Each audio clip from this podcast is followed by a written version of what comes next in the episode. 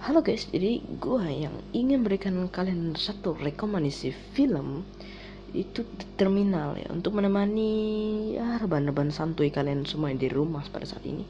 Jadi ini film dirilis 9 Juni 2004 dan film ini menarik karena ada satu orang yang sangat inspiratif tinggal di bandara gitu karena kalian nonton sendiri aja.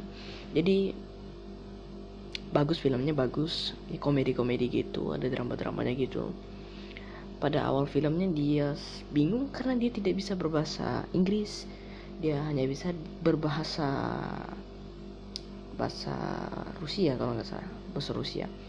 Jadi sama bertemu. Eh sama bertemu. Ya sama bertemu untuk podcast selanjutnya